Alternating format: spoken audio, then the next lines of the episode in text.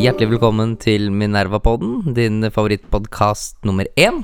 Mitt navn Er det ikke nummer tre for de fleste av våre lyttere, tror du? Hvorfor skulle det ikke være uh, nummer én? Jeg tror de fleste av våre lyttere har Sam Harris' podkast som sin uh, nummer én. Og som nummer to Jeg vet ikke, men vi lette på Pål Steigan. på Steigan, ja. Så hvis du har uh, lyttet på de to, da er du, da er du klare til å Har du ta inn klart over å deg få, dette materialet? uh, få vår kompetanse? Men du avbrøt deg. Hvem er du egentlig? Jo, jeg er um, konstituert redaktør, uh, Aksel Fridstrøm, og du er jo da vår gjest. Uh, du er jo da redaktør i permisjon. Nils August i eksil. Nils August Andresen. Og eh, i denne podkasten så har vi to temaer. Det er egentlig ett tema. Det er en sånn yin-yang-temautgave. Eh, men temaet er jo da eh, IS og IS-kvinner. Eh, og eh, regjeringskrise. Ja. Vi hadde jo, forrige podkast hadde vi en sånn tidløs, tidløse temaer. Uro i Midtøsten og sånne ting. Jeg føler litt at vi er tilbake på et sånn tidløst tema, i hvert fall for denne regjeringen. Regjeringskrise. Ja. Igjen. Det beste ville jo selvfølgelig vært at vi spilte, når vi spilte inn denne podkasten, ikke var for spesifikke, slik at vi eventuelt kan gjenbruke dette materialet når den neste regjeringskrisen kanskje dukker opp sånn i mars-april. Det er den formen for automatisering som uh, har gjort økonomien mer produktiv og gjort oss til et rikt land. Ja, og ikke minst så kan vi også kanskje bli miljøfyrtårn-sertifisert hvis vi gjenbruker alle podkastene våre. Det er sant, Men- men, uh, la oss uh, kjøre i gang. Ja. Eh, vi starter med, eh, tenker jeg, med da selve beslutningen om å hente hjem eh, denne såkalte IS-kvinnen, som er en 29 år gammel mor, norsk-pakistansk mor, som har dratt til uh, Syria for å være sammen med sin da kjæreste, vel, eh, Bastian Vasquez, tror jeg han heter, som da var en uh, egentlig en, en ganske profilert norsk IS-kriger der nede, hvor involvert han var i akkurat krigshandlinger, vet man kanskje ikke så mye om, men han har annet spilt inn en del propagandafilmer da, for, for IS. Og de har jo da eh, fått eh, barn sammen, og dette barnet har jo Vasquez er jo død. Men øh, kvinnen og barnet har jo da vært sittet i en fangeleir i eh, Eller flyktningleir, fangeleir, litt alt ettersom. øh, I, øh, som heter Al-Hol i Syria, hvor da dette barnet, som vel er fem år, etter hvert har blitt mer og mer sykt. Og så har jo da nå blitt gjort kjent at regjeringen har besluttet å hente hjem både moren og, og barna. Hva, hva syns du om det? Eh, Ja, det er, vel, det er vel to barn hvorav, hvorav ett er sykt. Nei, altså dette er eh, et dilemma. Jeg kan jo begynne med å si at jeg er ikke så veldig begeistret for uh, å, hente disse hjem med ekstra innsats. Og jeg er ikke så veldig begeistret for det signalet det på en måte sender si, at man sier at uh, det hadde på en måte vært vårt ansvar, Norges ansvar, om dette barnet hadde dødd. For Norge har jo lenge sagt at vi er villige til å hente hjem dette barnet, men at vi ikke er villige til å bruke liksom, ekstraordinære ressurser på å hente hjem denne personen som har dratt til den islamske staten og sluttet seg til den islamske staten. Men hvorfor Eh, blir da begge to hentet? Ja, nei, altså, Grunnen til at begge to ble hentet, er at det fantes ingen annen eh, Sannsynligvis, så vidt vi kan bedømme, så fantes det ikke noen annen mulighet for å hente barnet hjem. Så, og jeg, jeg, skal, jeg skal ta et lite resonnement som ender opp med at jeg, jeg forstår hvorfor man hentet dem hjem. Og hadde jeg vært statsminister, eh, så er det jo det er jo en fin drøm på mange måter. Hadde jeg vært statsminister, så kan det godt hende jeg hadde gjort det samme. Men jeg vil begynne med å si hvorfor jeg er lite begeistret for det. Og det er fordi eh, Hvis du tenker på alle de menneskene Norge kunne hjulpet i verden, så er det veldig mange som stiller i en sterkere moralsk situasjon, om du vil. Det som gjør denne saken relevant for norske politikere, er at det er norske statsborgere involvert. Og det er selvfølgelig et viktig juridisk poeng, og i en viss forstand også et viktig moralsk poeng. At vi har noen særegne forpliktelser overfor egne borgere. Det interessante er at mange av dem som, som er veldig opptatt av at vi skal hente dem hjem, vil jo i alle andre sammenhenger eh, si at vi burde ikke har et spesielt ansvar overfor egne borgere. Eller i hvert fall nedtone det, og vektlegge våre forpliktelser overfor alle som ikke er norske borgere. Men her er det det som er argumentet. Men man kan tenke, man kan tenke seg en masse situasjoner der eh, barn av en eh, norsk statsborger i utlandet, selv om det er en norsk statsborger, blir utsatt for ting av sin mor eh, som, som ligger utenfor den norske statens eh, mulighet å gjøre noe med, meningsfullt og legitimt å gjøre noe med. Altså Hvis du tenker deg Hvis du har noen vaksinemotstandere altså, Selv i Norge så kan du nekte barna å ta vaksine. Men hvis du har norske statsborgere som er Jehovas vitner i utlandet, nekter barna å få behandling, så ville jo ikke Norge kunne gripe inn i utlandet. I Norge ville vi kunne gjøre det, men i utlandet ville vi jo ikke ha jurisdiksjon til å gjøre det. Vi ville ikke kunne gjøre det, vi ville ikke mene at vi burde gjøre det i en viss forstand heller. Vi vil si det er mors ansvar. Det er tragisk og det er forferdelig. Det er masse tragiske og forferdelige ting overalt hele tiden. Eh, men det, er ikke måte, et ansvar som ligger på den norske staten. Man, og det er, har en betydning at man plasserer ansvaret der hvor det moralsk hører hjemme iblant. Og Sånn er det med denne moren. og Det er mange som har uttrykt stor forståelse for at eh, mor ønsker å være sammen med barn. Det er selvfølgelig forståelig. Og så er situasjonen at eh, det i utgangspunktet eh, ikke følger av norsk politikk, da, for å si det sånn. Jeg tror veldig mange foreldre ville latt et dødssykt barn få hjelp. Eh, og sende det fra seg og se. Hun kunne jo senere kommet tilbake til Norge, kanskje, på annet vis. Hun er norsk statsborger, og vi kan ikke nekte henne innreise. Så det at hun har motsatt seg det, det er ekstremt lite sympatisk. Men situasjonen her, når jeg ender med at jeg eh, forstår hvorfor eh, regjeringen gjør som den gjør, så er det jo fordi man, man har hatt en Og det skiller den litt fra de eksemplene jeg trekker frem, kanskje. At man har hatt en konkret og praktisk mulighet til å gjennomføre dette. Og hvilke budsjettressurser det konkurrerer med, og hvordan de kunne redde et liv, det, vet jeg ikke, men man har hatt en konkret mulighet til å kunne gjøre dette. Og da sitter man og kjenner på som menneske, som statsminister og som utenriksminister og andre poster i regjeringen, at hvis dette barnet dør, og man kunne gjort noe, eh, og særlig når man samtidig mener at denne saken er helt spesiell og ikke skaper noen egentlig meningsfull presedens, så vil man føle at man har dette livet på samvittigheten. Og det, det ville jeg også kjent på, og det, og det er ikke galt at vi som mennesker kjenner på det, tror jeg. Det syns jeg er helt ok.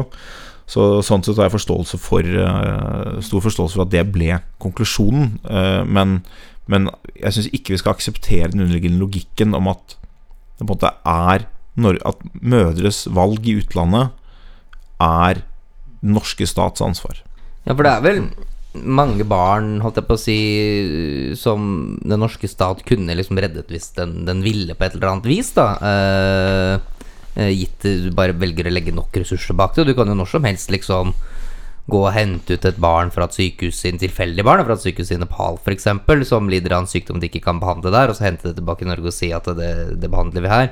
Men når det barnet dør eksempel, på sykehuset i Nepal fordi at norske myndigheter ikke gjør det, så er det jo ikke det gitt at det, det, er ikke, det er ikke norske myndigheters moralske ansvar, det, selv om det har vært mulig å forhindre dødsfallet. Nei, så, så forskjellen er at det er norsk borger, og så finnes det nok tilfeller der, der norske borgere ligger på sykehus i andre land hvor vi ikke griper inn på denne måten. Uh, men uh, det, det, en annen sammenligning man kunne dratt der, er jo da Nå vet jo ikke vi hva akkurat denne kvinnen konkret har gjort, men eh, beretninger fra f.eks. Jesidier forteller jo om IS-bruder, hvis vi bruker det ordet, som har måte, ha, ha, hatt sexslaver, eller hatt slaver, eh, kanskje de har vært seks slaver for mennene, kjøpt og solgt, behandlet dem som dyr, osv. osv. Vi vet jo ikke om denne kvinnen har vært involvert i det, jeg vil ikke påstå det, men, men det, det er jo et sett med ofre etter denne konflikten et, og etter IS som har, eh, som har opplevd veldig, veldig mye verre ting enn eh, denne kvinnen har opplevd, selv om hun har sikkert opplevd eh, dramatiske ting eh, på sitt vis. Eh, Men de barna har jo eh, Altså de kvinnene, eller de barna og de mennene som, som har dødd eller lidd under den konflikten, noen av dem har jo lidd som et resultat av hva norske borgere har gjort. Og man kunne jo på en måte spurt seg hvilket større moralsk ansvar for dem. Uh, og det, det er ikke sikkert at vi har det, men det, det er noe med når, når du setter de to Eller det er ikke sikkert vi praktisk kan agere på det, på en måte men når du setter de to tingene opp mot hverandre, når vi tar hjem eh, Vi bruker ressurser på å hente ut under ekstraordinære omstendigheter, så skjønner jeg også at folk eh, reagerer på det. men jeg tror også at de fleste vil være i stand til å se at det er et dilemma når man kan redde et norsk eh, Eller kan redde et barn, som også er norsk statsborger.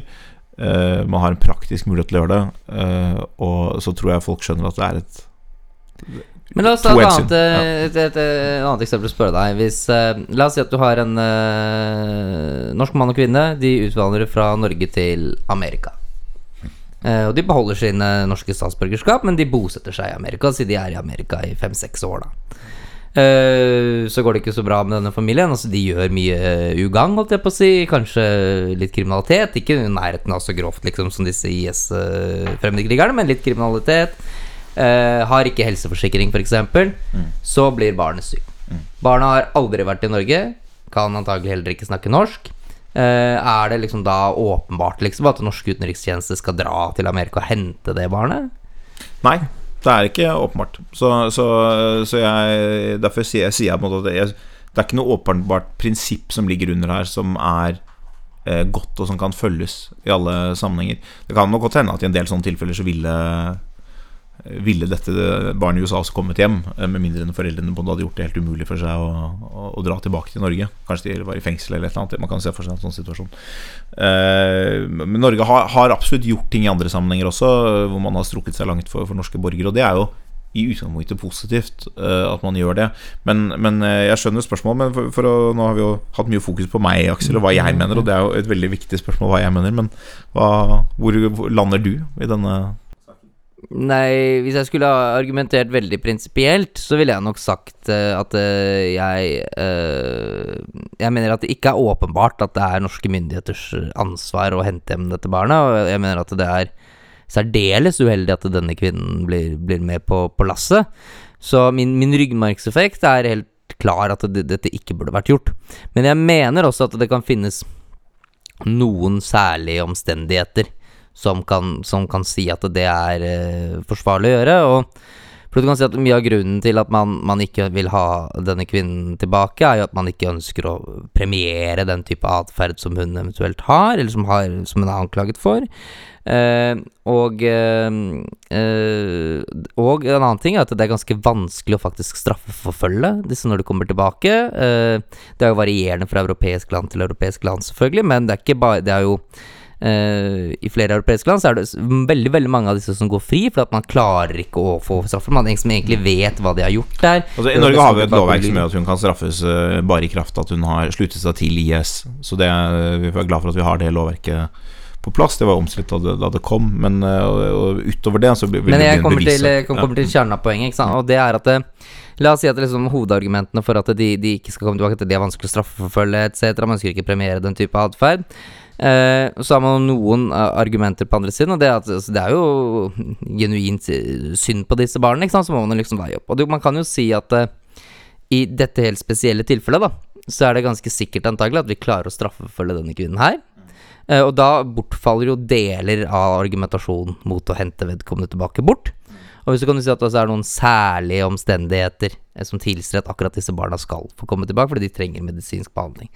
Så du, du kan eh, lage et slags unntaksbestemmelse liksom fra denne ryggmargsrefleksen som gjør at det er, kan, kan, være naturlig å, å, gjøre det, og den presedensen som skaper seg, kanskje ikke så alvorlig, for at det finnes så få tilfeller av disse IS-kvinnene som uh, uh, det uansett uh, er, er, ikke så stort problem. Og de fleste sikkerhetseksperter liksom mener at Uh, ja, altså dis, dis, denne kvinnen vil, det vil føre til at man må bruke litt ekstra politiressurser på overvåkning, men de ikke en, utgjør ikke en så stor ekstrabelastning og sikkerhetsrisiko som det mange vil ha til.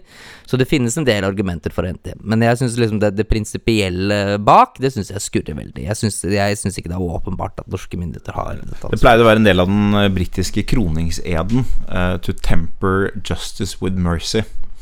Uh, og det er vel hvis vi skal oppsummere nesten en slags uh, felles konklusjon, at det hadde kanskje vært eh, rettferdig om Norge ikke brukte ekstra ressurser på akkurat denne kvinnen og hennes barn, men det er mulig å forstå at man har utvist en form for nåde i denne spesifikke saken. Nå sier jo også Ine Marie Eriksen at det er lite sannsynlig at det er flere sånne tilfeller. Og dette er også den eneste norske kvinnen som har bedt om konsulær bistand på denne måten, tror jeg, så vidt jeg forstår. Eh, men eh, denne saken i seg selv som du sier, den er jo i en viss forstand prinsipielt interessant eh, på mange måter, men den er jo antagelig av ganske liten praktisk betydning fordi den er et så sjeldent fenomen, denne type saker. Eh, det spørs om det er, kommer flere saker av den typen i det hele tatt. Hvis det gjør det, vil det nok i hvert fall være veldig veldig få. Og da kan vi jo bruke denne tidløse podkastserien til å diskutere også det, ja, det caset. Men uh, så har denne saken da muligens uh, veltet en regjering. Kan komme til å velte en regjering. Uh, det er noen som er litt surere, som ikke ja. bare syns at det skurrer litt, men som er veldig, veldig sinte på, på denne avgjørelsen. Det er det jo. Du, du er jo på linje med Frp i denne saken, da kan det se litt ut som jeg er kanskje litt mer på linje med, med Høyre. Men, men eh, hva, hvordan tolker du det, deres reaksjon? Er den fornuftig? Er, den, og er det klokt eventuelt å gå ut av regjeringen?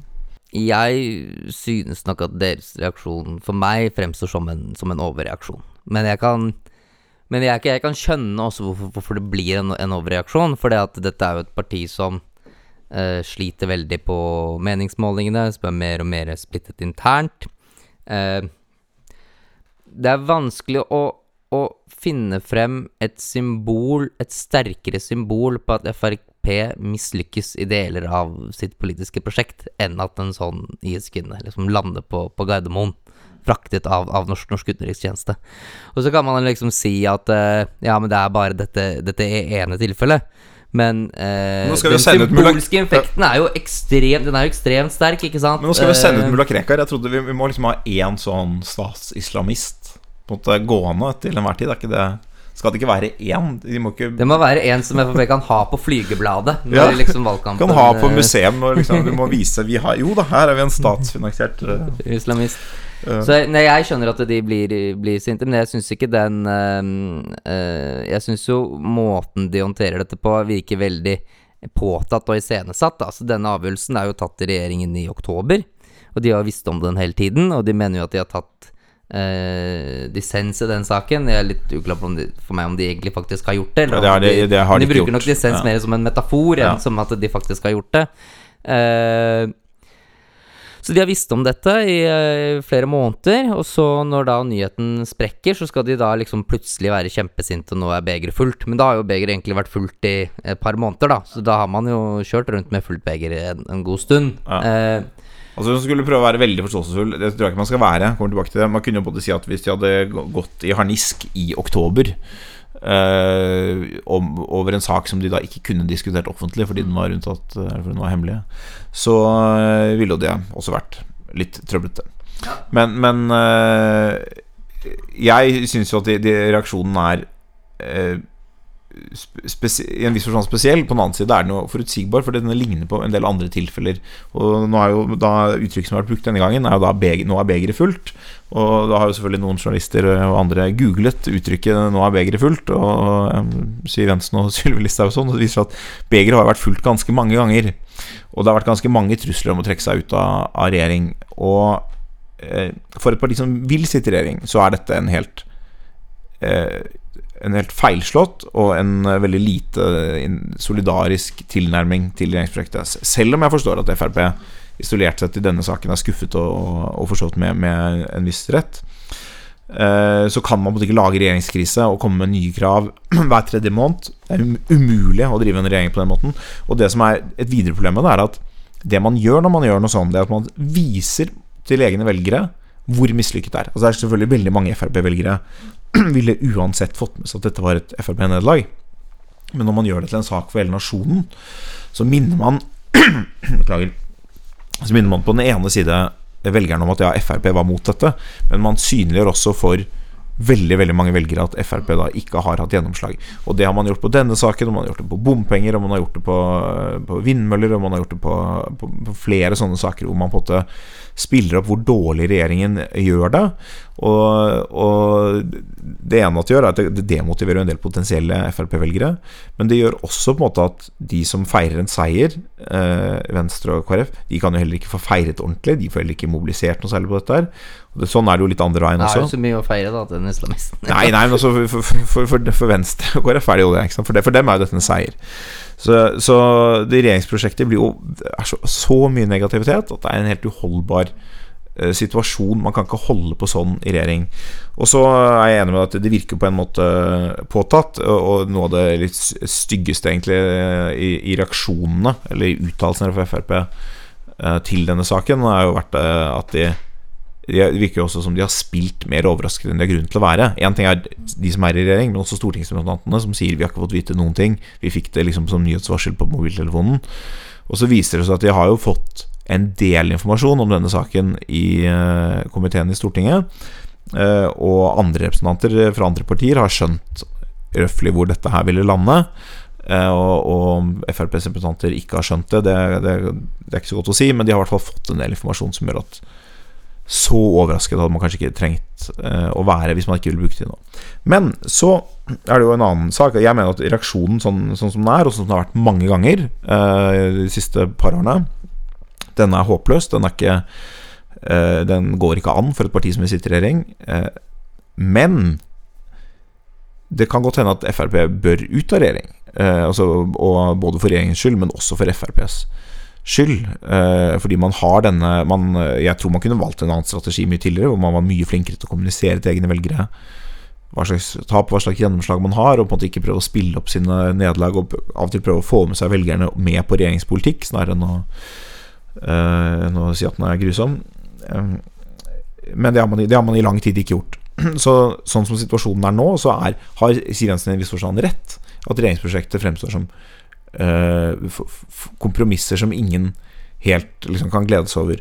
Og ja, Det har du skrevet 100 ganger, omtrent? Ja, ja jeg har skrevet 100 ganger. Kanskje hun da har begynt å lese Minerva? Vi, da, ja. vi, får håpe Siv Jensen leser Minerva. Hun, hun, har snakket om behov for blanke seire. Og jeg tror, hadde Frp fått noen mye tydeligere seier i innvandringspolitikken, så ville de også Altså med på, med på sånn systemnivå, så ville de også hatt ryggrad til å bære denne type nederlag på en helt annen måte.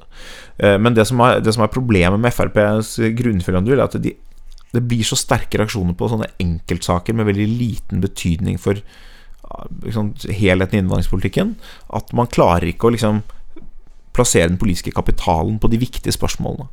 Og da vil også denne type symbolske nederlag eh, være ekstremt smertefulle. Uh, man får noen symbolske seire, man får noen symbolske nederlag, og man holder det hele litt bort fra substansen og strukturen i politikken. En del av FrPs problem er vel kanskje også at de har på sett og vis eh, mistet kontrollen over den informasjonen som tilflytter egne velgere.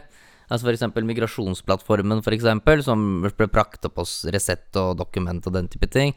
Det var jo noe som FrPs egne eh, representanter aldri hadde tenkt på engang skulle vært et problem. De har ikke, antagelig ikke lest den i det hele tatt. Og plutselig må man da liksom iscenesette nærmest en egen votering da i Stortinget, så de kan få stemt ned denne plattformen som er kritisert hos Resett.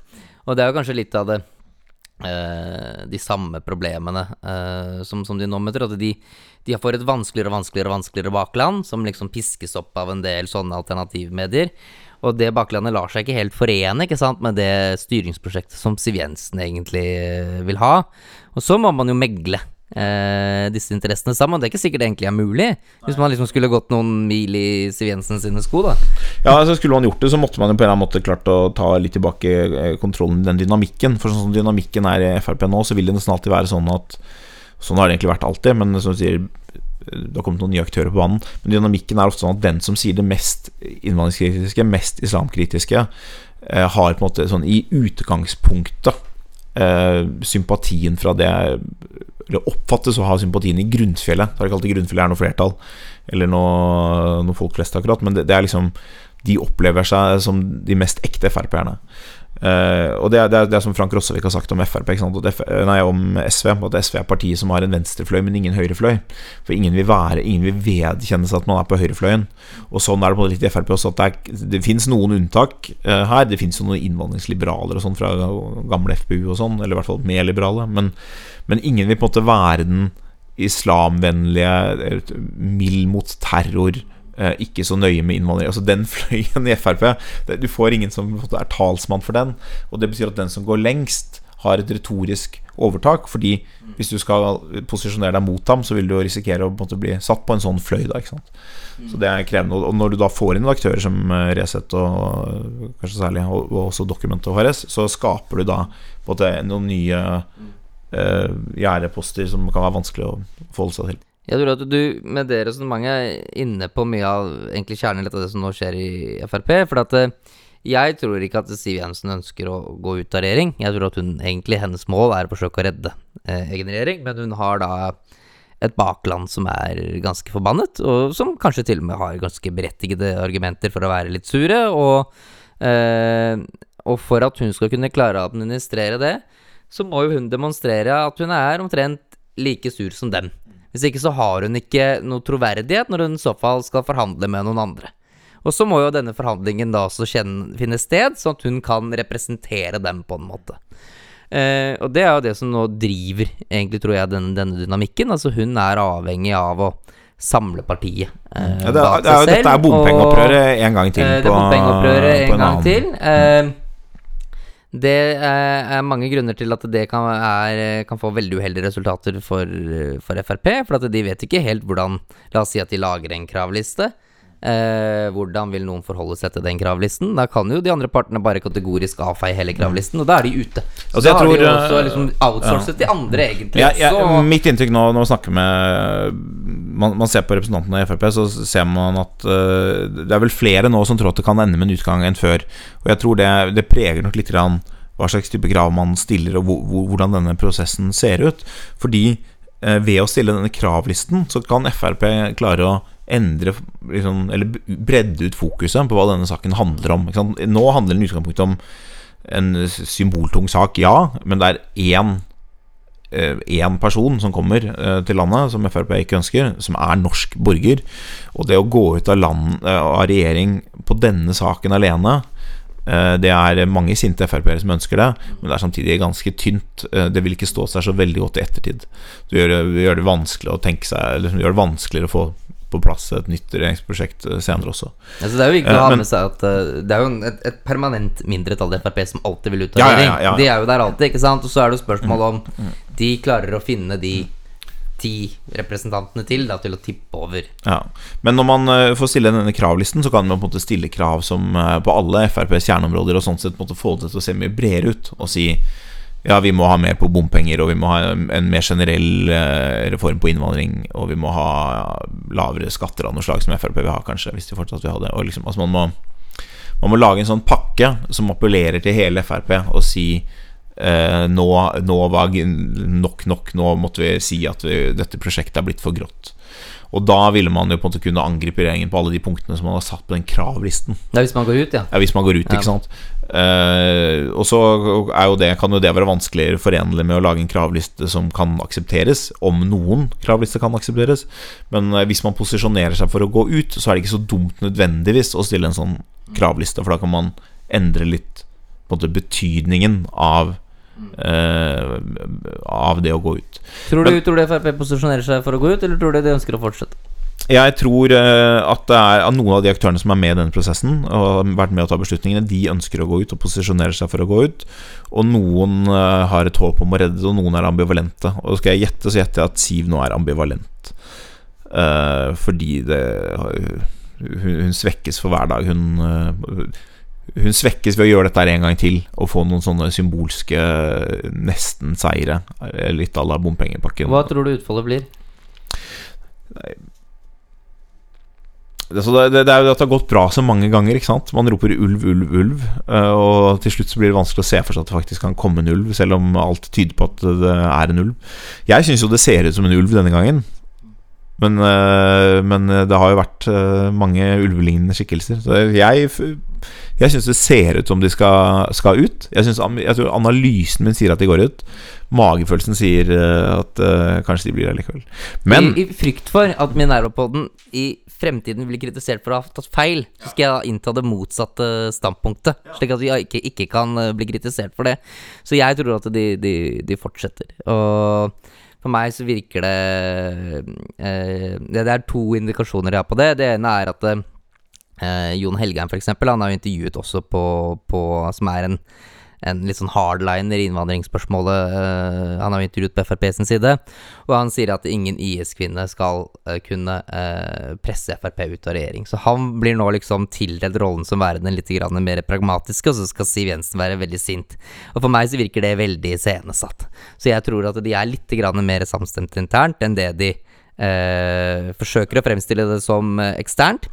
Og så tror jeg også at eh, hvis de hadde posisjonert seg for å gå ut, så tror jeg vi hadde fått eh, vite hele kravlisten allerede. Jeg tror at grunnen til at de eh, holder det så langt litt mer low-key, er fordi at de ikke ønsker å eventuelt leve med prestisjenederlag og ikke få kravene innfridd, blant annet. Ja, at vi venter, la saken måtte dø litt.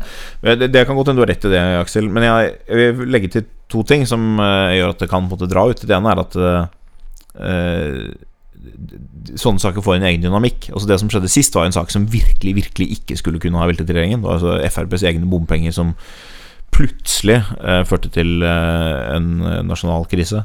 Eh, vi vet ikke hva som skjer i, i FrPs landsstyre. Det er jo på en måte det ene. At de, de, vi, snakket jo med mange av dem sist, Aksel, og det, det, du må si at det er en flytende prosess hvor, hvor partiledelsen ikke nødvendigvis har kontroll. Så selv om eh, Siv eh, kanskje prøver å gjør det, så er det ikke sikkert det lykkes.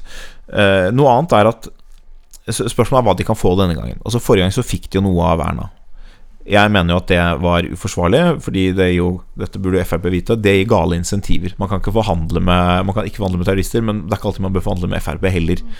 For ordens skyld ikke direkte sammenheng mellom Frp og, og terrorister. Men, men, man kan ikke forhandle med på noen som er med i regjering, og hver annen måned skal reforhandle alt. Uh, fordi de syns de ikke har fått nok. Det går ikke an, og det undergraver statsministerens autoritet. Det, det umuliggjør fullstendig situasjonen for de to småpartiene.